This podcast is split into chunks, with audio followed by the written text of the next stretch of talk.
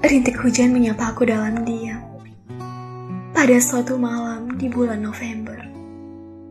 Adakah ia memberi arti pada rintik malam ini? Tentang firasat kepulangan rindu yang bertemu. Kita membelah jalan malam yang telah basah. Diiringi musik bernuansa romantisme.